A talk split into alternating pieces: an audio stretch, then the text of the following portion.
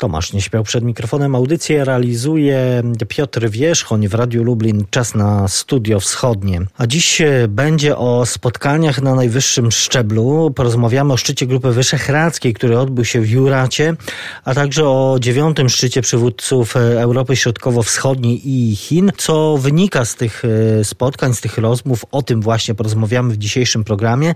A zaczynamy od Grupy Wyszehradzkiej. Naszym pierwszym gościem jest dr Łukasz Lewkowski Politolog e, z Uniwersytetu Marii Curie Skłodowskiej w Lublinie i Zespołu Wyszehradzkiego Instytutu Europy Środkowej w Lublinie.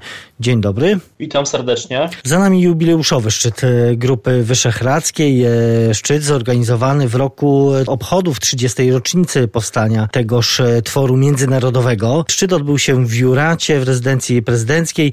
Mm, jak stwierdził prezydent Andrzej Duda, Grupa Wyszehradzka jest istotnym, o ile nie najistotniejszym czynnikiem katalizującym współpracę regionalną w Europie Środkowej, a także wnoszącym znaczny wkład we współpracę i procesy dotyczące polityki unijnej i natowskiej. Mm, z kolei prezydent Czech Miloš Zeman stwierdził, że Grupa Wyszehradzka ma ogromną siłę. Całość jest większą siłą niż siła każdego kraju z osobna.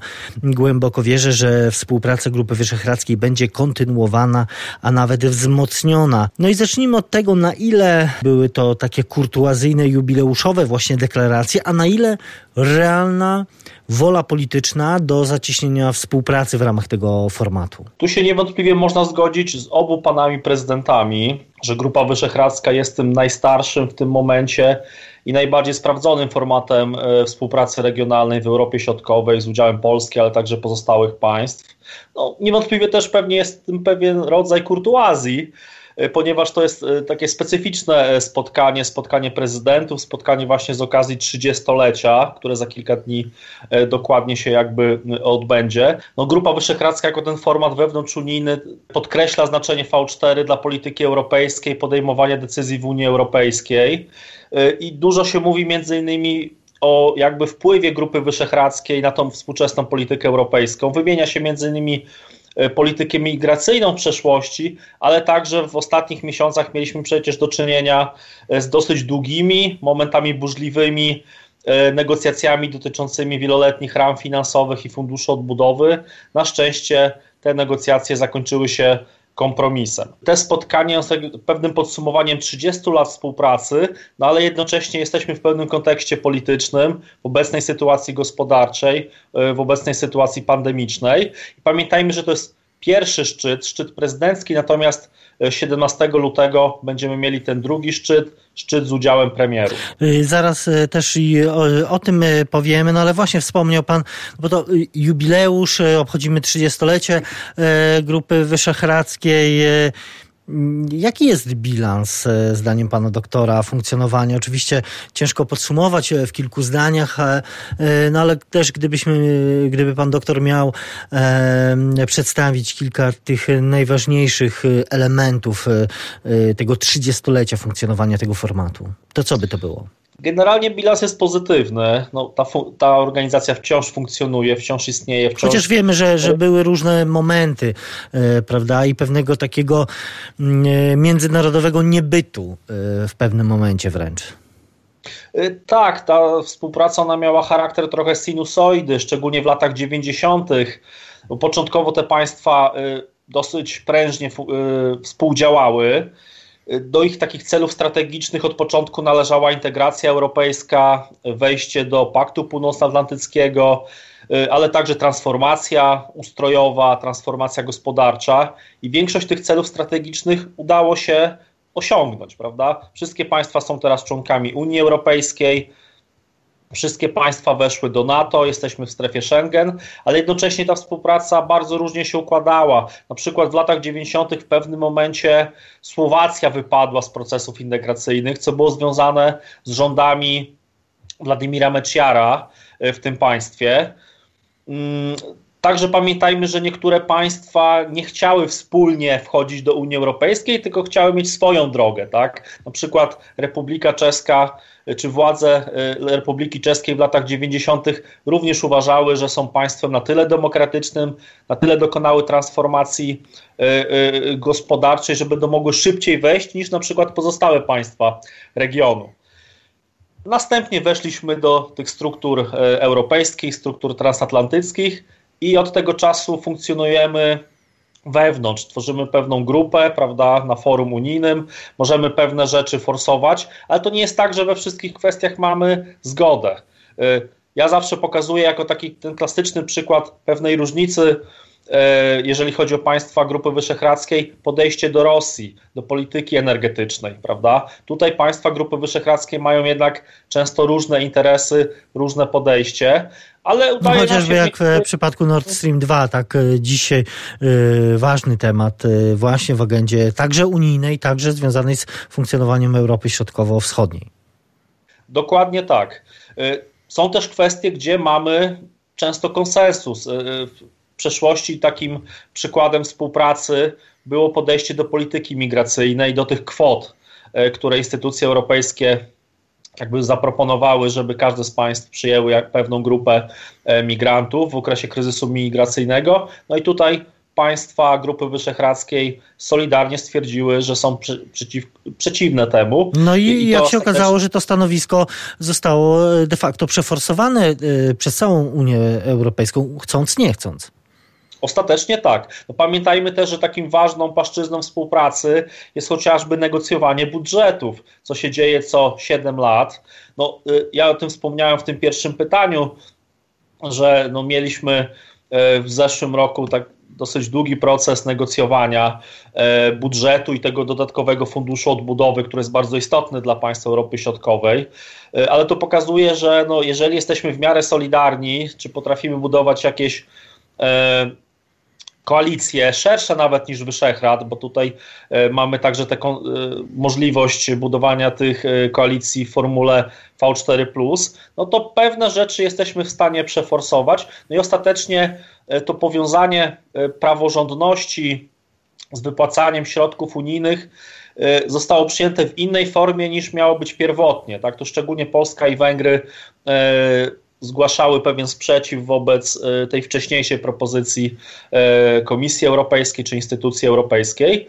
No więc mamy niektóre płaszczyzny współpracy, gdzie ta współpraca rozwija się dosyć dobrze i możemy forsować pewne swoje interesy. Mamy pewne płaszczyzny, gdzie ta współpraca niewątpliwie nie rozwija się, nie ma wspólnego mianownika, może nigdy nie będzie. E, ciężko tu powiedzieć. Ale też ale tak wartością, jak... wartością tego formatu jest to, że e, żaden z e, krajów członkowskich Grupy Wyszehradzkiej w takich przypadkach specjalnie nie forsuje jakichś działań wbrew innym partnerom. Po prostu tego tematu nie, nie podejmuje. I to, to też rozumiem jest jakiś sposób na to, żeby skupić się na tych rzeczach, które łączą państwa państwa Grupy Wyszehradzkiej, a nie które mogą nas e, podzielić. Dokładnie tak i to zawsze jest podkreślane, że nawet jeżeli jakieś państwo ma jednak trochę inne zdanie, no to z reguły ono na siłę tego nie forsuje, szczególnie na zewnątrz. Teraz oczywiście no, łączy nas ta kwestia wychodzenia z pandemii, jeszcze ciężko dokonać bilansu prezydencji polskiej, tej szóstej prezydencji.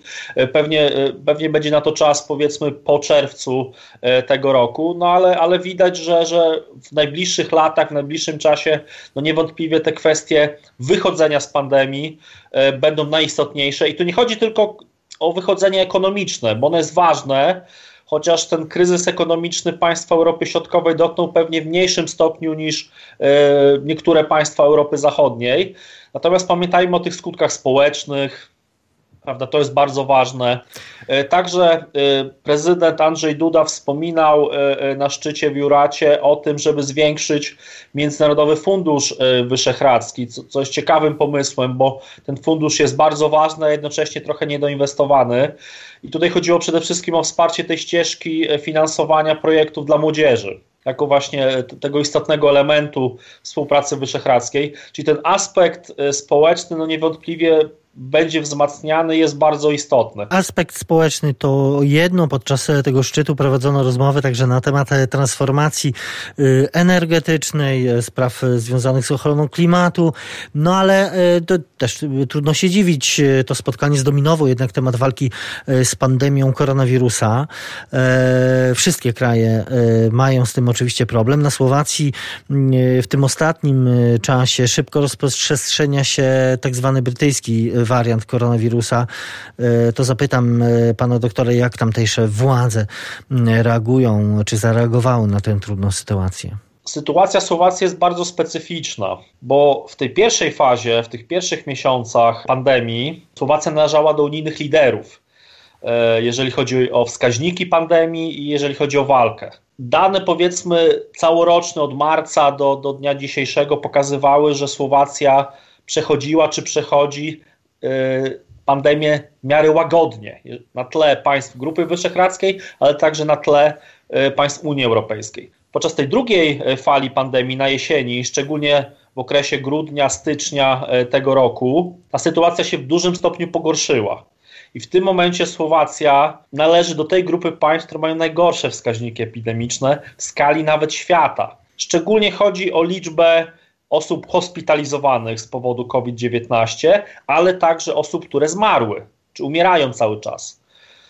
I to jest dosyć właśnie taka specyficzna sytuacja. Dlaczego tak się stało? Bo pamiętajmy, że Słowacja podejmowała e, pewne działania e, mające przeciwdziałać e, rozwojowi pandemii, bo na jesieni prowadzono tam taki powszechny masowe testowanie. Testowania, dokładnie, w całym kraju. Ten program jest cały czas kontynuowany. To, to, to, się troszeczkę inaczej nazywa, bo premier Igor Matowicz zaproponował dalsze ogólnokrajowe testowanie. Tym razem to się nazywa screening. E, nawet tu jest taka ciekawostka, e, rząd polski wysłał na pomoc Słowakom tak, le 211 medyków, tak. Którzy pomagają tym testowaniu, głównie na tym obszarze przygranicznym polsko-słowackim. E, natomiast obecnie ta sytuacja jest bardzo poważna. Ten system e, służby zdrowia na Słowacji jest maksymalnie obciążony. Znalazłem także takie dane, które pokazują, że w 2020 roku zmarła największa liczba Słowaków od II wojny światowej. I to było tam około ponad 5 tysięcy osób więcej niż w ostatnich pięciu latach w tym samym okresie. I to też pokazuje, tak od razu dodam, że, są, że, że ta polityka rządowa też czasami jest niekonsekwentna, bo widać różne spory w ramach koalicji rządowej. E, na przykład między premierem e, Igorem Matowiczem a wicepremierem Richardem Sulikiem. Tak? Są różne koncepcje, jak wychodzić z tej pandemii, jak wspomagać przedsiębiorców i tak dalej. Tak więc widać, że Słowacja z takiego powiedzmy lidera Y, stała się krajem jednak bardzo dotkniętym e, wskaźnikami epidemicznymi ta współpraca w ramach e, V4 e, to jak się okazuje nie tylko e, takie kurtuazyjne wizyty, nie tylko pewne deklaracje, ustalanie wspólnych stanowisk i, tego mm, frontu w negocjacjach z Brukselą. Pojawiły się w, w ostatnich dniach konkrety. Kraje Grupy Wyszehradzkiej mm, ogłosiły to, wspólnie kupią amunicję do ćwiczeń wojskowych.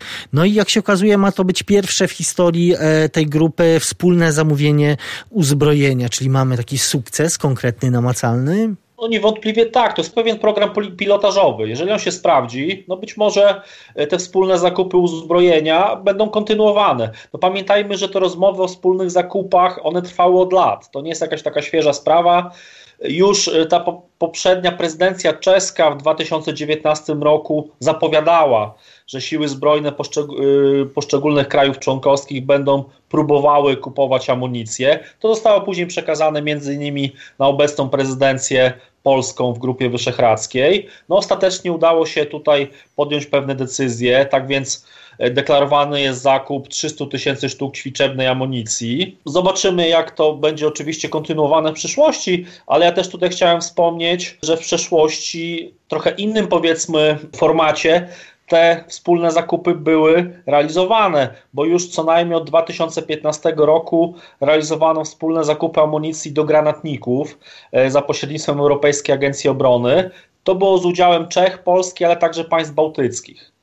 E, jeśli jeszcze można coś dodać, e, jeżeli chodzi o współpracę militarną Grupy Wyszehradzkiej, to poza zakupami też takim ciekawym przykładem była działalność czy dyżury bojowe Wyszehradzkiej Grupy Bojowej. E, bo w przeszłości e, stworzona została Wyszehradzka Grupa Bojowa. E, ona funkcjonowała pod dowództwem polskim i pełniła dyżury bojowe w ramach Europejskich Sił Szybkiego Reagowania. No, pierwszy dyżur był w pierwszej połowie 2016 roku, drugi w drugiej połowie 2019 roku i za dwa lata będziemy mieli trzeci dyżur.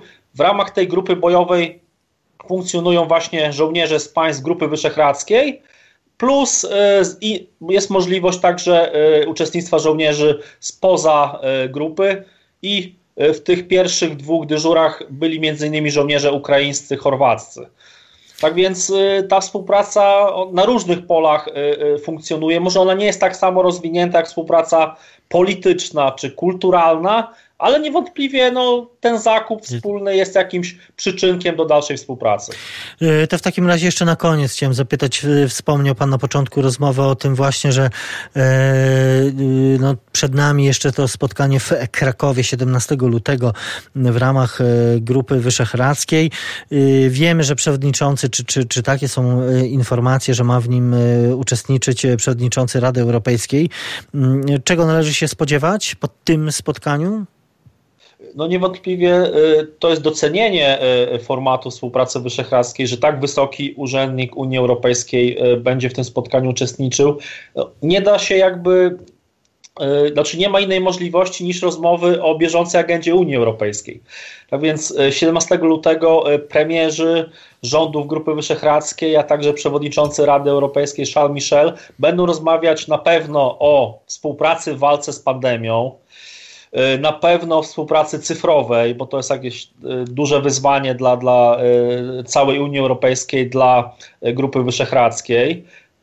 Ma się pojawić także na agendzie polityka klimatyczna, bo ona jest cały czas bardzo ważna dla naszego regionu migracyjna. Na pewno też to, co jest zapisane w agendzie prezydencji polskiej, kontynuowane będą rozmowy dotyczące integracji czy współpracy z państwami Partnerstwa Wschodniego czy Bałkanów Zachodnich. Być może także będą prowadzone rozmowy o sytuacji w Rosji czy na Białorusi.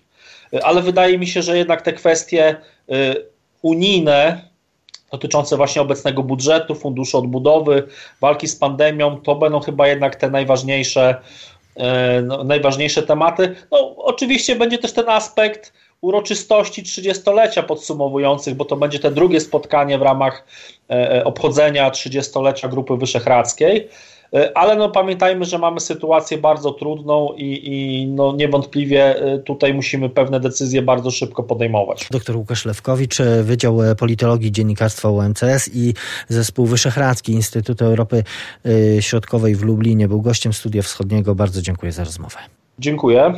A w studiu wschodnim kolejny gość, e, dr Grzegorz Gil z Katedry Bezpieczeństwa Międzynarodowego e, Uniwersytetu Marii Curie Skłodowskiej w Lublinie. Dzień dobry. Dzień dobry, witam pana redaktora, witam wszystkich słuchaczy, kłaniam się nisko. E, I zmieniamy zgodnie z zapowiedzią temat. We wtorek prezydent Andrzej Duda wziął udział w dziewiątym szczycie przywódców Europy Środkowo-Wschodniej i Chin. To jest e, format tak zwany szczyt 17 plus 1. E, spotkanie wprawdzie było planowane na ubiegły rok początkowo, no ale oczywiście z powodu pandemii zostało ono przesunięte. Szczyt odbył się w formie wirtualnej. No i ja zapytam na początek, co z niego wynika poza jakimiś okrągłymi deklaracjami o chęci pogłębienia pogłębiania współpracy, panie doktorze? Szczyt wirtualny, w którym e, uczestniczyła większa część liderów siedemnastki, w zasadzie osiemnastki, bo format 17 plus 1 to próba mm, e, reanimacji, e, nawet nie rewitalizacji, ale reanimacji tego formatu, który przecież został ogłoszony mm, stosunkowo dawno, bo jeszcze przed ogłoszeniem tej inicjatywy chińskiej nowego jedwabnego szlaku Belt and Road Initiative. Po tych wielu latach już, można powiedzieć, sprawdzam i okazuje się, że te zapowiedzi bardzo huczne obecności chińskich przedsiębiorstw, handlu, który odbywałby się na, przy obopólnych korzyściach, no one należą jednak chyba do jakiegoś scenariusza wciąż niezrealizowanego i można tutaj zadawać pytania, e, dlaczego to się e, tak, a nie inaczej dzieje. Podwojenie no tutaj strona, strona polska mówi, no, że współpraca układałaby się lepiej, gdybyśmy mogli zaproponować czy, czy otrzymać od partnerów chińskich realne instrumenty do tej poprawy w, w nierównowadze, jeśli chodzi o wymianę handlową między Polską a Chinami. Ja zacząłem troszkę, troszkę z premedytacją, mówiąc o tej nierównowadze i o tym, że te efekty mogłyby być mm, zupełnie inne. Nie zapominajmy jednak o e, bardzo dużych dysproporcjach, jeśli chodzi o gospodarkę polską, tą część Europy i, i Chiny. E, nie zapominajmy o, o innej strukturze gospodarczej, o nieco innych potrzebach, a przede wszystkim nie zapominajmy o tym, że ten deficyt ma charakter strukturalny. No, z jednej strony można się oburzać, że pokrycie polskiego importu z Chin polskim eksportem to zaledwie 9%, ale ja chcę zwrócić uwagę, że my tutaj na tym poziomie bardzo ogólnym fetyszyzujemy deficyt w stosunkach handlowych dwustronny. No bo gdy... według tych e, informacji e, publikowanych na stronie ambasady RP w Pekinie, Chiny to jest drugi partner importowy Polski, ale jeśli chodzi o eksport, no to jesteśmy w tych relacjach, znaczy te relacje to są na 20 miejscu, jeśli chodzi o... Tutaj tak, to, tutaj, tutaj nawet zagłębianie się w statystyki jest, jest nie do końca potrzebne. 30 miliardów dolarów y, y, obroty y, z czego oczywiście jest tutaj ogromny monstrualny deficyt.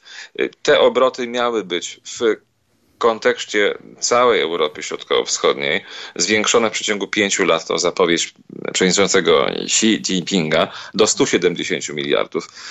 Mowa tutaj o podwojeniu eksportu żywności, także z Polski. Mowa tutaj o e, zwiększeniu handlu dwustronnego o 50%. To zasadniczo będą z pewnością e, półprodukty, i e, przetwory rolno-spożywcze, żywność. I, I, tutaj w ostatnich latach mieliśmy do czynienia przecież, po pierwsze, w roku 2015 deklaracja o strategicznym partnerstwie. Rok później, być może pierwszy krok do tego strategicznego traktowania, zezwolenie i otwarcie chińskiego rynku na polskie jabłka. Gdzieś Lubelszczyzna ma tutaj oczywiście swoje także interesy. Trzeba pamiętać, że, że Polska zrobiła bardzo dużo, by mm, ten wymagający rynek azjatycki, gdzie jest bardzo duża konkurencja, bo to nie jest tak, że Chińczycy tutaj nas nie wpuszczają, jest po prostu bardzo trudny rynek. I, i tutaj na pewno trzeba czasu. Przede wszystkim także kierunki pozaeuropejskie i polskiej dyplomacji, i, i, i też dyplomacji ekonomicznej, no nie były wcześniej rozwijane, patrząc na także nasze możliwości i grę przede wszystkim w europejskich rozgrywkach, a nie w rozgrywkach globalnych, rozgrywkach azjatyckich. To się oczywiście zmienia, biorąc pod uwagę globalizację, to, że świat się ścieśnia, biorąc pod uwagę koncepcję nowego jedwabnego szlaku, w której przecież, w której, której Polska ma swoje niekwestionowane miejsce, biorąc pod uwagę naszą tranzytowość. Y, to tutaj są ogromne szanse. Niemniej jednak tutaj nie chodzi o to, by reperować deficyt, bo tu no właśnie, to w takim razie, to... co powinno być celem naszym w, w tych relacjach? Ale z pewnością chodzi o to, by przyciągać kapitał chiński, właśnie te instrumenty finansowania to jest jedna rzecz, a druga to przyciąganie chińskiego chińskich inwestycji bezpośrednich typu Greenfield, czyli od zera, ale także przejęcia czy fuzje, biorąc pod uwagę także inwestycje portfelowe, gdzie chiński partner nie miałby większości i to jest ważne. No i tutaj też jest bardzo słabo. I to jest bardziej niepokojące, ponieważ jeśli inwestycje zagraniczne w Polsce to są, to jest 100, jeśli dobrze pamiętam, to, to jest 13 miliardów dolarów, tak? Jest 13 miliardów dolarów rok 2019 z liderami takimi jak Holandia, Francja, Niemcy. To chińskie inwestycje w Polsce, napływ tych inwestycji roczny to jest 130 milionów. To jest symboliczna, mikroskopijna kwota. I to jest pytanie, dlaczego tak się dzieje. Biorąc pod uwagę chińską obecność ekonomiczną, tu nie mam wątpliwości, że ten format 17 plus 1 kamufluje rywalizację, która odbywa się w tej grupie państw. Nie jest tak, że po stronie europejskiej tej siedemnastki, biorąc pod uwagę akces Grecji w ostatnich latach, mamy tutaj do czynienia z jakimś rodzajem altruizmu, wielkiej miłości. Państwa rywalizują o przyciąganie Chińczyków. Chińczycy też z drugiej strony niuansują swoje podejście. To nie jest wcale tak, że traktują i wrzucają Polskę, Węgry, Czechy, Bułgarię do jednego worka. To oczywiście nie dzieje się w ten sposób. Stosują taktykę marchewki i kija. Nieco więcej marchewki w przypadku jednych państw, troszkę więcej kija, choć są tutaj bardzo ostrożni, ponieważ raczkują na obszarze Europy Środkowej. Nie mają też wykształconych instrument, instrumentów politycznych, ekonomicznych, jakby budują swoją pozycję od y, początku lat 2000 od zera, ze skutkiem na pewno dla siebie kapitalnym, biorąc pod uwagę to, że ten szlak się urzeczywistnia, no i przede wszystkim, co tym szlakiem jest przewożone. Oczywiście towary wyprodukowane w Chinach. Nawiązując do pierwszego wątku, nie zatem y, y, zasypywanie deficytu, ale przede wszystkim pięcie się polskich producentów polskiej gospodarki do góry w tak zwanych globalnych łańcuchach wartości. E, czyli zwiększanie marży w finalnym rozrachunku, biorąc pod uwagę wartość produktów eksportowanych, e, tutaj Polska z pewnością e, mogłaby zyskiwać. Mam wrażenie, że wciąż to przed nami. Być może też ważniejszym pytaniem, czy, czy może trzeba było też od tego zacząć, kto dziś kogo bardziej potrzebuje, no bo te, te, te wskaźniki to jedno, one nam pokazują obraz e, sytuacji. E, no właśnie, czy, czy Chiny Europy, czy, czy Europa Chin bardziej jednak? Ja myślę, że to jest transakcja wiązana. W, roku 2000, jeśli dobrze pamiętam, 18 czy 19 jeden z oficjeli Unii Europejskiej nazwał e, Chińczyków systemowym rywalem. Nie mam zatem, zatem wątpliwości, że w tym układzie mamy do czynienia z sytuacją win-win, to znaczy Chińczycy nie mogą sobie pozwolić na rezygnację z tak ogromnego rynku, jakim jest Europa, jako przecież półwysep euroazjatycki z ponad 700 milionami konsumentów i ta globalna fabryka, jaką są Chiny, potrzebuje przecież y, zagranicznych konsumentów i, i to się dzieje poprzez zwiększanie przepustowości infrastruktury, e, jeśli chodzi o także Polskę, ale z drugiej strony przecież, biorąc pod uwagę e, Polaków, Francuzów, Niemców, którzy coraz chętniej korzystają z portali, ze sklepów internetowych takich jak Alibaba czy AliExpress, trudno tutaj sobie wyobrażać, że w momencie pewnego zaczopowania tych kanałów komunikacji, nierealizowaniu tego projektu, jakim jest One Belt, One Road, że, że nagle mm, produkcja będzie przeniesiona do Europy, co oczywiście oznaczałoby przecież drożyznę y, y, pączkującą, biorąc pod uwagę y, poziom życia i dużo wyższe koszty produkcji w tej części Europy wciąż w Europie w porównaniu z Chinami. A zatem to jest układ wzajemnych korzyści, także pewnego ryzyka, biorąc pod uwagę to, że Chińczycy na pewno grają e, delikatnie na rozbicie jedności w Unii Europejskiej. I tutaj trudno jest się spodziewać, że, że, że, że kładą uszy po sobie.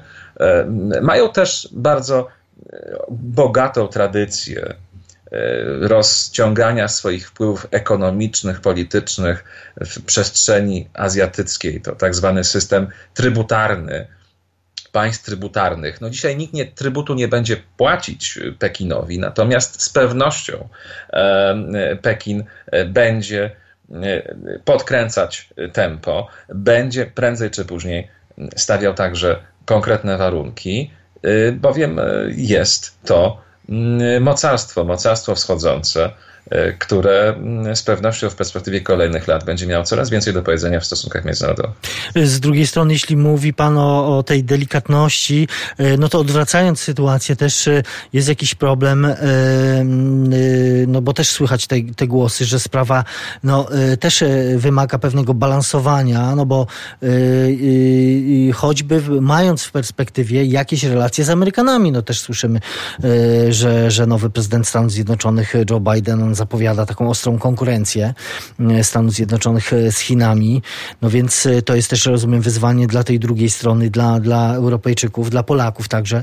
Co by tu zrobić, żeby nie drażnić Amerykanów, a jednak biznes z Chińczykami robić? Ja myślę, że to wcale nie muszą być projekty, które się wykluczają.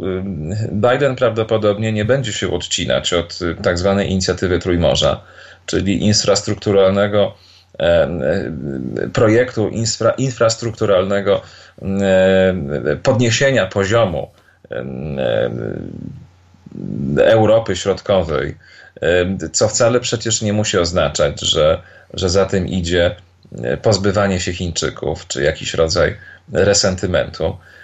Tutaj wyraźny wątek przy tej inicjatywie i przy naszych także dwustronnych relacjach to przecież jest energetyka. Ten, ten kontekst współpracy z Chinami w formacie 17 plus 1 tego mm, energetycznego wątku tak bardzo nie eksponuje. Niemniej jednak z pewnością zacieśnienie się interesów ekonomicznych, biznesowych, po obu stronach jest, jest ewidentne. I myślę, że w gąszczu tych interesów y, Polska może, może zyskiwać, pokazując po prostu, że nie jesteście jedynym partnerem, z którym negocjujemy. W związku z tym, E, liczymy na więcej. Liczymy na więcej i patrzymy też, e, bo wspomniał pan doktor też o, o tej e, pewnej roli choćby naszego regionu, no bo też nie sposób nie, nie wspomnieć, jeśli mówimy o relacjach z Chinami, o, o ty, tych y, y, inwestycjach, które są, czy, czy mają być częścią tego nowego jedwabnego szlaku, a, a, a przecież mamy tutaj u nas y, ten suchy port kolejowy w Małaszewiczach, port, który bije rekordy, to wszystkie wskaźniki o tym mówią, bije rekordy przyjmowania dostaw właśnie z, z Azji, e, a plany są przecież jeszcze bardziej ambitne. Jaka może być rola tutaj naszego regionu? Regionu akurat e, w tych relacjach. No warto zwrócić uwagę, że w tym roku, jeśli dobrze pamiętam, e, główny inwestor czeka na pozwolenie na budowę. Mowa tutaj o zwiększeniu przepustowości parku logistycznego Małaszewicza, tak. by e, zaspokoić rosnący popyt na kontenery, które podróżują z Chengdu do mm, Europy Zachodniej, oczywiście przez Polskę, i tutaj jest to niewątpliwie e, przypadek i przykład e, takiej adaptacji e, proaktywnej, która czyta między wierszami to, co się dzieje, i wypada tutaj przyklasnąć. Nic nie wskazuje na to, że w perspektywie kolejnych lat, nawet jeśli chodzi o efekt pandemii, ten transport lądowy będzie słaby. Wręcz przeciwnie, jestem przekonany, że to jest coś, co jest przyszłością y, w kontaktach y, euroazjatyckich Chin z Europą i tutaj jest to odrobienie pracy domowej przez Polaków, jeśli chodzi o infrastrukturę. Mówiliśmy już wcześniej o porcie mm, gdańskim, który też przestawia się i przygotowuje się na wypadek tego, że mm, to pociągi mogą rozdawać karty, mm, jeśli chodzi o transport towarowy w przyszłości, niekoniecznie kontenerowce i też przygotowuje się, dostosowuje się do, do, do przyjmowania pociągów, które później mogłyby być dużo szybciej e, przeładowywane te ładunki na, na ciężarówki. Ja nie jestem logistykiem, natomiast jedno jest pewne. Mamy w Polsce ekspertów, mamy pewną myśl i, i należy po prostu e, rozmawiać z Chińczykami, rozmawiać z Amerykanami, rozmawiać ze wszystkimi kontrahentami i wyciągać z tego wnioski, e, podnosić nasz prestiż E, pozycję w, w, w, stosunkach ekonomicznych, nie tylko biorąc pod uwagę to, że polskie płody rolne są, są dobre, smaczne, zdrowe, ale przede wszystkim też podnosić się, tak jak już mówiłem, w tych globalnych łańcuchach wartości, e, e, stawiać też na innowacje, E, bo z tym przecież nie jest najlepiej. E, to oczywiście wyzwanie e, na, wyzwania na, na kolejne lata, chociaż akurat też w czasie, w czasie pandemii pewnie trzeba wykorzystywać te elementy współpracy, które pozwalają no, dobijać targu tam, gdzie to oczywiście można, można robić, ale, ale o pewnych strategicznych celach też trzeba myśleć perspektywicznie, jak rozumiem.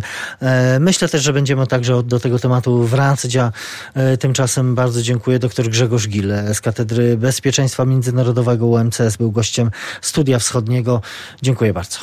Dziękuję serdecznie, pozdrawiam. I to wszystko w naszym programie na dzisiaj. Za uwagę dziękuję Tomasz Nieśpiał i Piotr Wierzchoń. Studio Wschodnie wraca na antenę Radio Lublin za tydzień. Do usłyszenia w następną niedzielę po godzinie 14.